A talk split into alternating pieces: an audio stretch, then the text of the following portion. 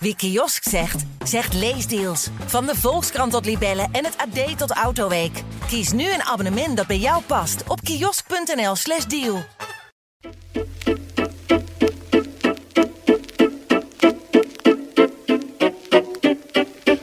Welkom bij Haagse Half Uurtje, de politieke podcast van Trouw. Ik ben Christophe Smit en deze week eh, waren wij natuurlijk allemaal hier in Den Haag in de ban van de algemene politieke beschouwingen. Wat ook wel wordt genoemd het politieke hoogtepunt van het jaar in Den Haag. Uh, en tegenover mij zit Bart Zuidervaart, chef van de politieke redactie van Trouw. En uh, die gaat ons precies vertellen wat er ehm, deze week allemaal is gebeurd. Bart, we hangen allebei een beetje in de touwen na uh, twee lange dagen algemene beschouwingen. We zijn helemaal suf gepraat. Um, vertel jij eens eventjes uh, waar we nu staan. Waar we staan na twee lange dagen algemene politieke beschouwingen. Ik zou zeggen, waar, waar zal ik beginnen? Um, het was een, op enig moment zei Esther Ouwehand, de fractieleider van de Partij voor de Dieren, het is een raar debat. En daar had ze wel een punt. Het was ook een raar debat. De, de, de politieke beschouwingen die volgen altijd direct op uh, Prinsjesdag. En wat er dan eigenlijk ligt in de, in de plenaire zaal van de Tweede Kamer is de begroting voor volgend jaar. De plannen van dit kabinet voor 2023 in dit geval. Het gekke is dat wij dit keer heel veel hebben gepraat, of dat de politie hebben heel veel gesproken over het bekende energieplafond, veel besproken mm -hmm. energieplafond. Gaan we het zo nog even over hebben, uitgebreid? Uitgebreid, zeker. Maar dat is een plan voor dit jaar. Ja. Dus het hele, hele gedachte dat jij praat over wat er volgend jaar gaat komen, dat was dit jaar een tikje anders. Ja, ze hadden het eigenlijk vooral over wat er nu moet gebeuren uh, om, om prijsinflatie uh, en energiearmoede uh, te voorkomen. Zeker, want uh, dat is toch ook een beetje de sfeer van de afgelopen weken, de afgelopen maanden zelfs. Mensen zijn in uh, financiële problemen. Die zijn overvallen door een enorme ja, exploderende energierekening. Dure boodschappen, uh, hoge kosten aan de, aan de, aan de benzinepomp. en het kabinet is dan rustig bezig om een begroting van volgend jaar in elkaar te zetten. Terwijl mensen gewoon elke dag moeite hebben om rond te komen. Dus vandaar dat er ook enorm veel druk stond op het kabinet om nog heel snel aanvullende maatregelen te nemen. En dat maakt dit jaar ja, eigenlijk anders dan anders. Ja, ik, je zei net, Esther Ouwehand vond het een raar debat. Ik, ik, zag ook een fotootje van haar langskomen op Twitter... dat ze echt met haar voorhoofd een beetje op, de, op haar lessenaar slaat... omdat ze maar geen antwoord kreeg van uh, premier Rutte. Uh, totaal wanhopig. Um, hoe heeft er, hoe, ja, hoe, is dat tekenend voor de sfeer van deze beschouwingen? Het is in dit geval ook vrij tekenend voor eigenlijk de verstandhouding... tussen Esther Ouwehand en Mark Rutte. Want ik denk dat zij na elk debat met Rutte deze foto had kunnen laten maken. Aha. Want hè, in persoonlijke sfeer kunnen ze best aardig met elkaar omgaan als ik dat zo uh, van dichtbij meemaak. Maar inhoudelijk liggen zij mijlenver uit elkaar. Dus uh, dat zij elkaar niet begrijpen in zo'n debat, dat, dat komt elke keer terug. Ja, oké. Okay. Um, wij zitten natuurlijk uh, gefascineerd te kijken naar het debat. Maar kan je even uitleggen wat nou het belang is voor de gewone burger van twee dagen lang algemene beschouwingen in Den Haag? Ja, ik kan me heel goed voorstellen dat de burger niet twee dagen lang zelf heeft zitten kijken naar uh, Politiek 24 om precies te zien wat hier allemaal is gewisseld. Voor, voor ons als journalisten uh, wordt dit eigenlijk gezien als het belangrijkste debat van het jaar. Hè? En, en of dat elk jaar dan ook zo is, dat, dat valt te betwijfelen. Maar in theorie is dit het hoofddebat. En het is vaak niet zo dat hier hele grootse, uh, wereldschokkende dingen gebeuren. Maar het is wel het moment dat je eigenlijk heel duidelijk ziet hoe verhoudt de oppositie zich tot de coalitie, of beter tot het kabinet. Is er sprake van enige samenwerking? Uh, hebben de coalitiepartijen er enig vertrouwen in dat zij door kunnen met hun plannen voor volgend jaar? Is er steun? Uh, in welke hoek moeten zij de steun zoeken? Gaat de, nou in dit geval Rutte 4 meer over de linkerflank of gaan ze meer over de rechterflank? Dus het is een beetje een moment dat je inzichtelijk krijgt van hoe liggen de, hoe liggen de verhoudingen. En vaak is dat toch wel richtinggevend en kan je toch wel een beetje een inzicht krijgen in van hoe het nou, het komende jaar eigenlijk eruit uh, komt te zien. Um, Bart, voor mij zijn dit een beetje uh, de allereerste algemene politieke beschouwingen die ik uh, van dichtbij volg. dat wil zeggen langere tijd. en mij valt een beetje op dat alle fractieleiders van alle partijen die roepen alles door elkaar heen. Die bereiden hun eigen stokpaardjes en stellen dan vervolgens aan premier Rutte de vraag: Bent u het met mij eens dat? En dan vullen ze hun eigen standpunt in. Uh, gaat het elk jaar zo? het gaat zeker de afgelopen jaren zo. Dat heeft er ook mee te maken dat wij hier natuurlijk in de Tweede Kamer te maken hebben met toenemende versplintering. We hebben inmiddels twintig fracties, of eigenlijk heel veel fracties en nog een paar groepen. Hè? Zo moet je ze officieel noemen. Dus ja, twintig verschillende sprekers tegenover één premier. Elke spreker heeft toch de neiging om zijn of haar eigen achterban te bedienen met een eigen onderwerp. Dat kan natuurlijk uh, natuur en milieu zijn, het kan het platteland zijn, het kan uh, de, de MKB'er zijn, van alles. Dus dat heeft altijd het, het risico in zich dat het debat in, inderdaad alle kanten op gaat. Hè? Want dit debat begint dan s ochtends om half elf ongeveer. Mm -hmm. En het gaat door totdat de laatste spreker uitgesproken is. Dat kan tot s'avonds later, diep in de nacht zijn. Maar het is natuurlijk zaak voor die politici om zich, zeker in het begin van zo'n debat, te manifesteren. Die willen zich laten zien. Wat ook meespeelt is, ze willen misschien het journaal halen. Ze willen misschien op teletext komen. Ja. Hè, zo plat is het soms. Dus dan wachten ze vaak niet tot uh, aan het einde van het debat dat zij een keer zelf aan het woord komen. Ze willen natuurlijk gelijk, zo snel mogelijk, op hun onderwerp zich laten zien, punten scoren aan de microfoon. Ja. En dat maakt het zeker in de beginfase van zo'n debat uh, licht chaotisch. Ja, ik zag ook dat uh, onder andere Geert Wilders, maar er waren ook wel wat andere fractieleiders die dat deden, die in elke bijdrage vertelden ze een beetje dezelfde anekdote. Wilders had dan een voorbeeld van een wat ouder echtpaar die uh, maar één banaan kon eten per dag. Dat is natuurlijk vrij schrijnend. Maar op een gegeven moment hebben we dat verhaal zes keer gehoord. Omdat hij natuurlijk steeds denkt, ik moet dat steeds weer in een apart filmpje kunnen knippen. Uh, is dat iets van de laatste tijd? Ja, het feit dat politici, fractievoorzitters uh, tijdens zo'n debat filmpjes verspreiden van zichzelf, uitgeknipt, waarmee ze een hele snedige opmerking maken of een andere polit politicus een beetje op een nummer zetten. Ja, dat is eigenlijk als jaar en dag uh, praktijk. Het is uh, storend. Het is eigenlijk niet nodig. En ik kan mezelf niet voorstellen dat mensen die dat zien, dat ze denken, nou, nu ga ik op die partij stemmen. Mm. Maar het is wel onderdeel geworden van, van de politiek van dit moment. Um, Bart, hoeveelste politieke beschouwingen waren dit voor jou? Nummer 10. En uh, nummer 10 uh, is kennelijk de laatste, want jij gaat de politieke redactie dit jaar uh, verlaten. Jij gaat naar de nieuwsdienst in Amsterdam bij Trouw, helaas. Maar jij kan nu wel mooi schetsen in hoeverre het politieke debat is veranderd in die tien jaar. Ja, het debat is ruwer geworden, hè, wat onvoorspelbaarder. we hebben nu natuurlijk te maken met een toenemende versplintering, wat ik net al zei. Twintig fracties die allemaal zich willen laten zien in het debat. ruwer, wat, wat groffere omgangsvormen. Wat dat betreft is het er niet sympathieker op geworden. Hè? We hebben ooit, uh, nooit, ooit eens gehad in het ver verleden, dat was voor die tien algemene beschouwingen die ik gevolgd heb, stond daar ooit Jan Marijnissen, toen de partijleider van de SP, en die zei tegen de toenmalige premier, even dimmen ja. En dat was destijds best wel heftig. Hè? Iedereen keek van, oh, ah, kan, je, kan je dat wel maken? Wat grof, wat wil taalgebruik. Onparlementair taalgebruik. Uh, allerlei deskundigen uh, bogen zich erover. Ja, vandaag de dag lachen we erom. Ja, ik hoorde al woorden, klimaatpsychopaat kwam langs. En uh, volgens mij Esther Ouwehand van de Partij voor de Dieren... die zei op een gegeven moment tegen Jan Paternotte, u liegt. Dat vinden we normaal tegenwoordig. Ja, in het eerste geval sluit ik niet uit dat Rob Jetten, hè, die ooit klimaatdrammer werd genoemd, vervolgens truien liet drukken met de tekst klimaatdrammer. Volgende week hier rondloopt met een trui klimaatpsychopaat. Ik bedoel, dat kunnen we niet uitsluiten. Je moet het nog zien. Als minister? Wie weet. Als uh, partijleider misschien. Maar... We, we, we, dagen bij deze uit. Ja.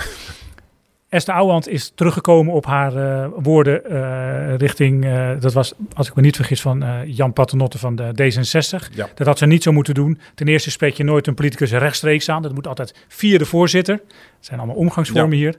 Ten tweede was haar taalgebruik gewoon niet, niet netjes. Dus daar is op teruggekomen. Maar het is wel iets waar we gewoon mee te maken hebben. Verruwing. Ja, wat voor een indruk moet dat niet maken op het gewoon publiek dat daarnaar zit te kijken? Nou, je hoort natuurlijk wel van mensen die zich daar uh, aan ergeren, aan storen. Dat, dat, en dat, die politie krijgen dat ook wel te horen hoor. Dat, zij, uh, dat ze echt op het taal moeten letten. En wat je ook dit jaar zag, vond ik ook heel interessant. Uh, politici, Kamerleden, maar ook ministers en, en staatssecretarissen die daar zijn, die zitten nog wel eens op een iPad of op een telefoontje hun eigen dingen te doen. Mhm. Mm -hmm. Hè? En dat ziet er, als, als toeschouwer ziet dat er heel ongeïnteresseerd uit.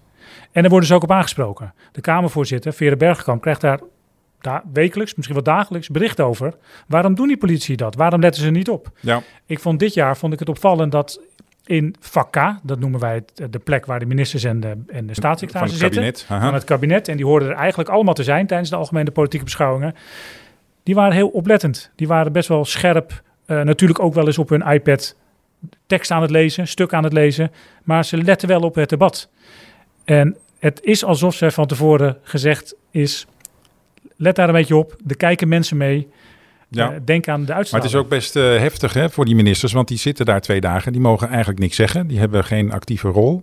Die moeten dat allemaal. Toevallig, eh, ik, ik had vandaag een interview met minister Ollongren van Defensie, zaterdag in trouw. Ehm, maar die erkende eerlijk dat de afgelopen twee jaren dat er coronamaatregelen waren. En dat dat vak K eigenlijk maar voor de helft was gevuld. Dat dat eigenlijk heel prettig was, want dan hoefden ze niet met z'n allen de hele tijd te doen alsof, alsof ze erbij waren. Ehm, maar goed, voor veel ministers is dit een heel, eh, hele klus, hele zit. Ja, tijdens de beschouwingen, wat ik zei, wordt het kabinet geacht volledig aanwezig te zijn. Dat ziet er een beetje kneuterig uit, want eigenlijk is die plek waar het kabinet zit te klein voor de 29 bewindslieden die Rutte 4 op dit moment heeft. Dat is een record aantal eh, qua hoeveelheid. En Mhm. je zag ook dat ehm, er zijn misschien 12, 13 plekken voor ministers en er stonden wat bureautjes achter neergezet, professorisch, waar dan staatssecretarissen moesten zitten. Een beetje kneuterig. Maar, maar ja, het is, een, het is een lange zit. Ze, mogen teksten lezen. Ze mogen, soms moet ze ook de premier helpen. Soms dan, eh, stel je voor, er zit de minister van Sociale Zaken. En de premier krijgt eh, vragen over de arbeidsmarkt. Dan kan eh, eh, de, de minister iets op een briefje schrijven Ja. of hem even iets influisteren. Dus ze hebben wel degelijk een rol, maar het is natuurlijk ver in de schaduw van Ja, eh, de premier. Ik zag inderdaad de een en ander aan briefjes werden doorgegeven. En op een gegeven moment werd- er zelfs een envelop met snoepgoed rondgedeeld. Zat iedereen een beetje snoep te kauwen. Maar goed, Ook dat is traditie. Het zijn net mensen. Hè? ja.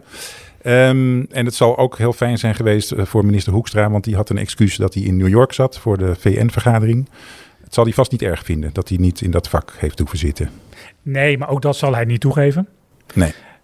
Hetzelfde geldt voor eh, de klimaatminister eh Rob Jetten. Die zat ook in Amerika en de Verenigde Staten. Want hij had de, of heeft de overtuiging dat hij daar meer kon betekenen voor Nederland dan de hele dag daar zitten. Ja, die zit bij En- een of andere ministersconferentie daar, eh, geloof ik. Hè? Daar was Ja. ontzettend veel kritiek op. Dat hij, omdat natuurlijk, we hebben natuurlijk een gascrisis of een energiecrisis. En dan is de klimaatminister is er niet. Maar het feit dat hij denkt dat hij daar iets voor Nederland kan betekenen. En stilzittend, niks zeggend in het kabinet wat minder, kan ik me iets bij voorstellen. Eh, Bart, wij zitten hier een beetje te, te hakken takken over onze politieke hobby's en eh, hoe dat vak al dan niet gevuld is. Maar eh, mensen thuis zullen zich afvragen, ehm, wat heb ik aan dit debat? En het eerlijke antwoord is niet heel veel. Hè, dat is misschien niet een hele leuke boodschap, maar het is niet zo dat de wereld er morgen heel anders uitziet. Hè, het is ook een, het is wat ik zei, het is een moment om even te af te tasten, te zien eh, eh, of er nog enige liefde is tussen het kabinet en de oppositie in de Tweede Kamer. Wordt er zaken gedaan? Dat gebeurt wel degelijk af en toe. Dit jaar opvallend eh, weinig trouwens. Maar we hebben jaren meegemaakt dat er toch tijdens het debat of in de, in de, tijdens, ja, in, in de pauze of in de schorsing van het debat, dat er toch nog links en rechts geld werd verschoven van die plek naar die plek. Toch nog geld voor defensie. Toch nog een plan van de oppositie wat de steun kreeg van het kabinet. Hè, er werd wel degelijk eh, zaken gedaan. Dus natuurlijk is het belangrijk voor eh, de mensen thuis om te zien van eh, worden er nog besluiten genomen waar ik zelf wat aan heb. Maar het is niet het grote wereldschokkende debat waarvan de burger morgen wakker wordt en denkt: Jeetje, wat, wat, hier ben ik ontzettend blij mee. Nee. En wat heeft jou als, als volger van nabij in tien jaar tijd, wat heeft jou dit keer het meest verrast? Wat ik verrast, verrassend vind, is dat toch de, het gemak waarmee de premier dit keer door het debat is gewandeld. Want zo zie ik dat.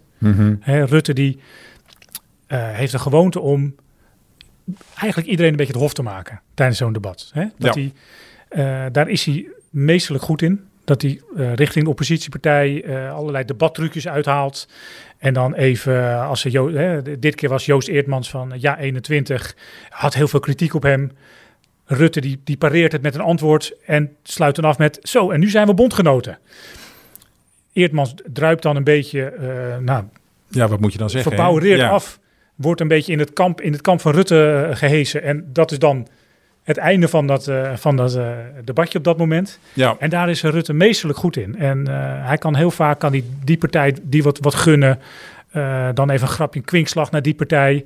En aan het einde van het debat wandelt hij zo de Tweede Kamer uit. Ja. En dat was dit keer opvallend, omdat hij het afgelopen jaar of periode heeft iets zwaar gehad.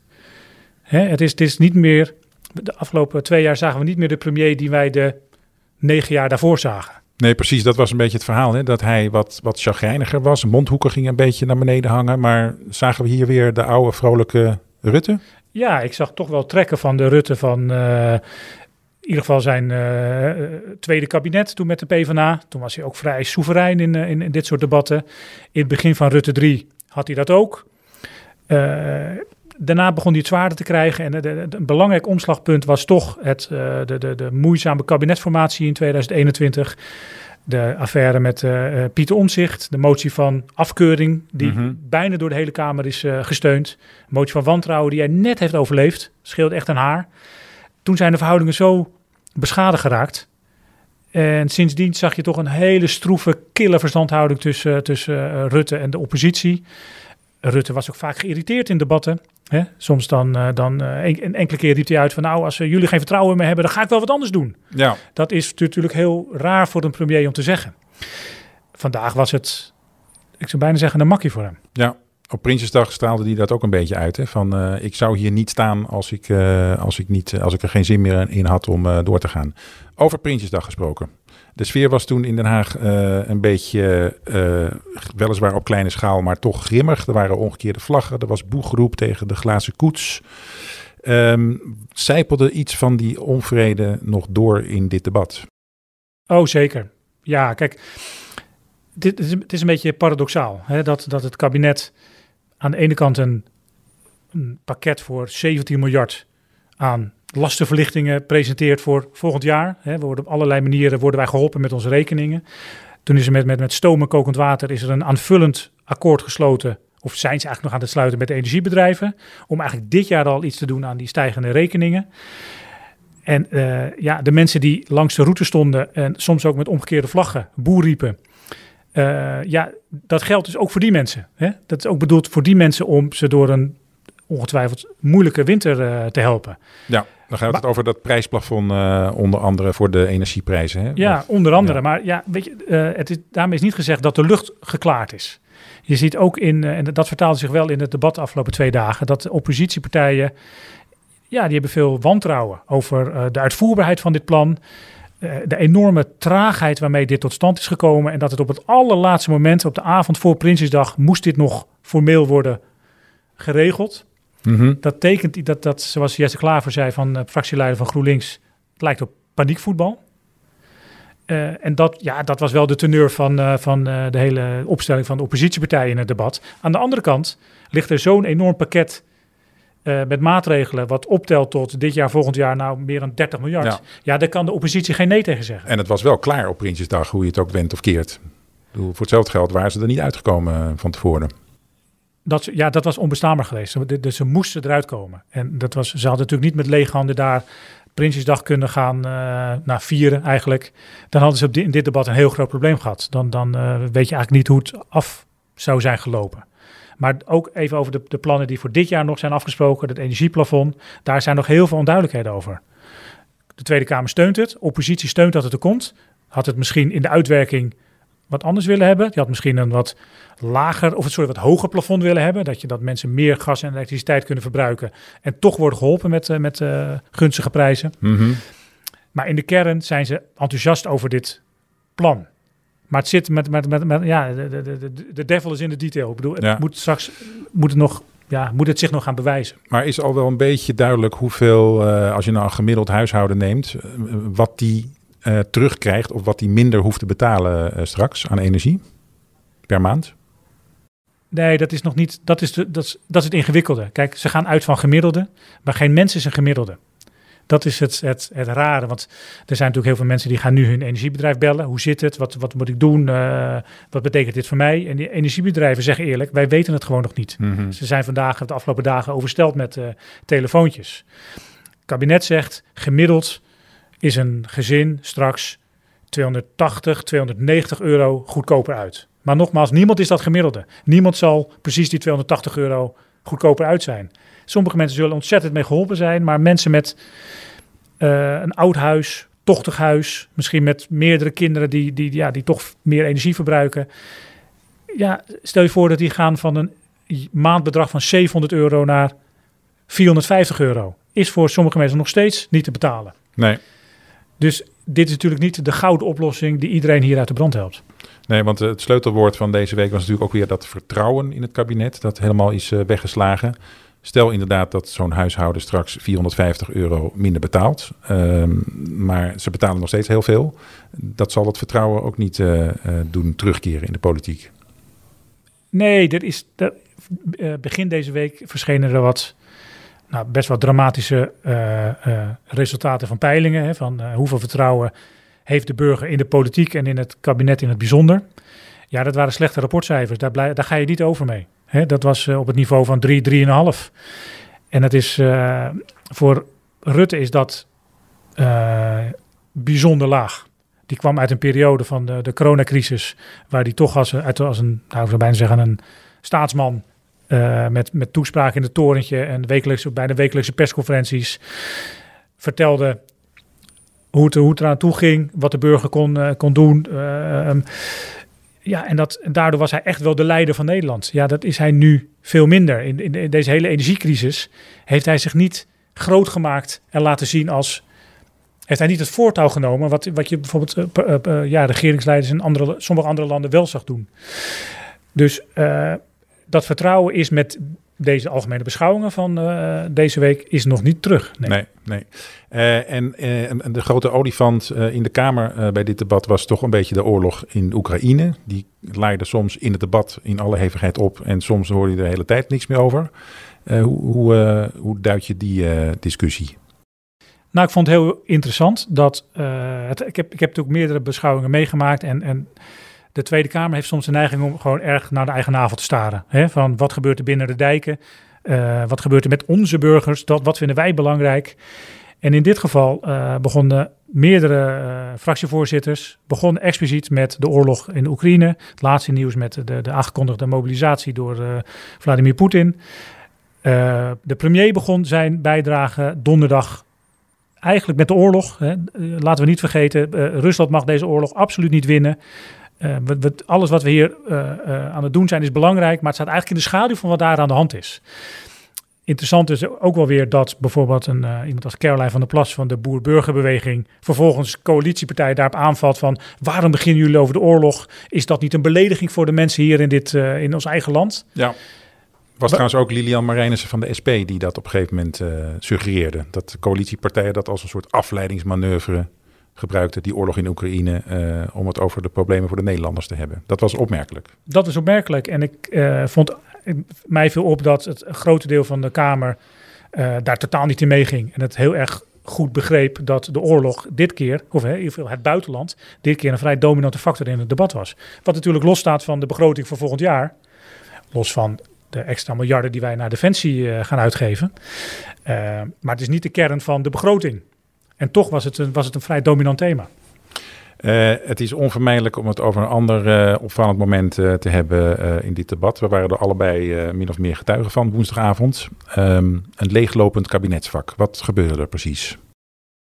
Ja, dat was eigenlijk heel onverwacht. Het was woensdag wat later op de avond. Uh, Thierry Baudet zou eigenlijk pas nou, uh, einde van de avond, begin van de, of einde van de avond, ja, begin van de nacht aan de beurt zijn. Hij vroeg of hij als eerst eerder mocht spreken, omdat zijn vrouw hoogzwanger is. Dat als een Kamerlid dat vraagt, dan is het goed gebruik om dat ook toe te staan. Dat zijn gewoon de, de, fatsoensregels in de Kamer. Dus hij mocht eerder aan het woord. Vervolgens begint hij een verhaal en hij brengt dan de minister van Financiën, Sigrid Kaag, een, een, een, een uh, bekend doelwit van hem brengt hij in verband met spionage. Zij zou gestudeerd hebben aan een opleiding waar uh, nou, spionnen worden gewo werden geworven. Een van de cultuur-marxistisch bastion uh, was dat zogenaamd. Precies. Uh, Kaag hoorde dat aan. Die, die schrok eigenlijk. Die vroeg aan de Kamervoorzitter Verder Bergkamp, grijp in. Dat, dat zag je haar doen. Bergkamp greep niet in. Vervolgens stond als eerste staatssecretaris van Asielzaken Erik van den Burg stond op. Daarna eigenlijk het hele kabinet. En uh, ze liepen weg. Debat werd geschorst. Tumult. Dat gebeurde daar. Uh, ja, vervolgens, dat, dat is uniek. Dat is eigenlijk nog nooit gebeurd dat een heel kabinet opstaat en dat de debat zaal uh, verlaat. en ja. de zaal verlaat. Ja, kijk, vervolgens ontstaan er meerdere discussies. Hè? Mensen gaan gelijk roepen, Kamervoorzitter, zwak, had eerder moeten ingrijpen, heeft het niet goed gedaan. Oké, dat kan zo zijn. Maar het leidt wat mij betreft wel een beetje af van waar het hier echt over gaat. En dat is dat een, een, een, gekozen uh, volksvertegenwoordiger, een parlementariër, complottheorieën verspreidt in de plenaire zaal, waar toch echt wel mensen naar kijken. En wat zeker ook via social media vervolgens massaal wordt verspreid. En waar de minister van Financiën, Sigrid Kaag, heel veel last van gaat krijgen. Zij Ja. wordt al een paar jaar, eigenlijk sinds haar, sinds haar uh, komst hier naar uh, Den Haag, wordt zij uh, bedreigd. Ze wordt streng beveiligd. Op een gegeven moment is er een politiepost uh, voor haar uh, deur gezet. Er stond zelfs een man met een fakkel voor haar deur. Er stond een man Ja. met, met een fakkel voor haar deur, die ook hier nog steeds af en toe rond de Tweede Kamer wordt gesignaleerd. Dus die dreiging die is er gewoon. En zij zei ook later in een verklaring. Wat hier gebeurt, dat, dat ondermijnt de, de, de, democratie, maar het, brengt ook, het zorgt ook acuut voor gevaar. Later hoorden we, spraken we minister Hugo de Jonge, die zei van nou in die coronatijd gebeurde mij ook hetzelfde eigenlijk. Hè? Er worden complottheorieën verspreid en ik heb daar direct last van. Hij heeft op een gegeven moment ook een politiepost voor de deur gekregen. En dat, het is uh, goed dat dat op een gegeven moment zo hard wordt benoemd. Ja. Hè? Er zijn genoeg Kamerleden, ook van D66 met name, die hebben die ook last van. Die worden ook, uh, die krijgen ook doodsbedreigingen. Uh, die, die, die, die, dat leidt ook tot rechtszaken. Buitengewoon vervelend en gevaarlijk ook. Ja, maar goed, nou zijn wij journalisten altijd een beetje ongemakkelijk uh, met dit soort incidenten, uh, toch? Want we hebben twee dagen debat, gaat vaak over heel inhoudelijk zware, interessante dingen voor de mensen. En dan opeens gaat alle aandacht uit naar dat ene moment, een rel. Um, probeer dat ongemak eens uh, te, te verwoorden, want vooral wij van Trouw hebben daar wel eens moeite mee. Ja, wij, dat is een, een, een bekende worsteling van ons. Andere media hebben dat ook, maar misschien hebben wij het wel in het bijzonder. Een aantal jaar geleden, toen was het ook tijdens de algemene politieke beschouwingen, ook later op de avond, stond Geert Wilders daar en die sprak dan over een nep-parlement. Vandaag de dag wordt, is het allemaal nog wat heftiger geworden, maar destijds, ik denk dat het rond 2016 was, ook iedereen op zijn achterste benen, nep-parlement. Je brengt gewoon je eigen parlement in discrediet. Ook, ik kan me een schorsing herinneren, gedoe wij krapten dus ook achter de oren, moeten wij dit weer aandacht geven? Weet je, want je, want, uh, je, je, geeft iemand aandacht waar hij om vraagt, maar die vervolgens uh, krijgt hij kritiek over zich heen, speelt weer de vermoorde onschuld, kruipt in een slachtofferrol. Wil je dat? Maar toen hebben we daar, hebben we daar ook wel aandacht aan besteed, omdat het toch ook wel weer echt wel nieuws is. Het moment dat iemand uh, het parlement zo beschadigt, zo buitenspel wil zetten, in dit geval een, een, een kabinet wat gewoon hardop zegt: wij trekken hier een streep. Wij, pikken niet langer dat wij zo in verband worden gebracht met complotten, wat voor ons ook gewoon bedreiging oplevert. Ja, daar kunnen wij, zelfs wij van Trouw, Christophe, kunnen daar niet omheen. Nee, dat hebben we uiteindelijk ook niet gedaan, want dat stond prominent uh, in de krant. Um, Bart, ik denk dat wij uh, uh, een beetje naar de afronding toe kunnen. Um, Volgend jaar ben jij er niet bij de algemene beschouwingen. Dan ben je in ieder geval niet als politiek redacteur. Ga je het missen? Hele goede vraag. Ik ga uh, dit soort debatten wel missen. Want het, ik vind het, het is ook een beetje gewoon uh, waar je op een gegeven moment meer weggehecht aan gaat raken. Hè? Aan dit soort uh, dagenlang debatten. Wat het voor ons ook leuk maakt is toch het werk eromheen. Hè? Natuurlijk de collegialiteit. S'avonds tot laat doorgaan. Zo goed mogelijk je stukken proberen in de krant te krijgen. Zoals wat gisteravond gebeurt met Baudet, dat is natuurlijk buitengewoon vervelend, storend. Voor ons geeft het ook wel weer adrenaline, dat wij vrij snel besluiten moeten nemen. Breken we de krant open? Welk stuk halen we uit de krant? Wat gaat erin? Dat is ook het interessante van werken in Politiek Den Haag. Uh, het, het, het, is onvoorspelbaar. Niet zo heel lang geleden ehm, begon er een stagiair bij ons uh, te werken op een, op een maandag. En eigenlijk was dat een hele vrij rustige, saaie maandag. En ik verontschuldigde me nog. Ik zei van nou, het, gaat, het is niet altijd zo hoor. Er gebeurt echt wel eens wat in Den Haag. Mhm. Mm -hmm. Diezelfde avond trad er een minister af. Oh ja. Dat was eigenlijk volkomen onverwacht. Dus het, ja, dat is natuurlijk buitengewoon dat tragisch. Was minister. Staghouwer van uh, Landbouw. Uh, Precies, trouwens. dat was ja. voor hem buitengewoon vervelend. En ook wel gewoon, ja, heel tragisch. Maar voor ons is het ook wel weer gelijk een adrenalinestoot. Hè? En dat is toch ook wel weer wat het werk op dat moment ook wel weer interessant en leuk maakt. Oké, okay. mooie afsluiting Bart. Dankjewel. Uh, en misschien gaan we jou volgende, volgend jaar weer hier vragen voor de podcast om op afstand de algemene beschouwingen te analyseren. Doe ik graag. Dankjewel. Uh, dan zijn we aan het eind gekomen van deze aflevering van Haags Half Uurtje, de politieke podcast van Trouw. Mijn naam is Christel Smit. Uh, mocht u nou geïnteresseerd zijn in meer podcasts van Trouw, dan kunt u gaan naar www.trouw.nl/slash podcast. Uh, deze podcast wordt trouwens gemaakt door Hanne van der Wurf en Joris Belgers. we hebben ook een e-mailadres, mocht u uw commentaar kwijt willen, op haagshalfuurtje.trouw.nl. Volgende week zijn we er weer. Tot dan. Wie kiosk zegt, zegt leesdeals. Van de Volkskrant tot Libellen en het AD tot Autoweek. Kies nu een abonnement dat bij jou past op kiosk.nl/slash deal.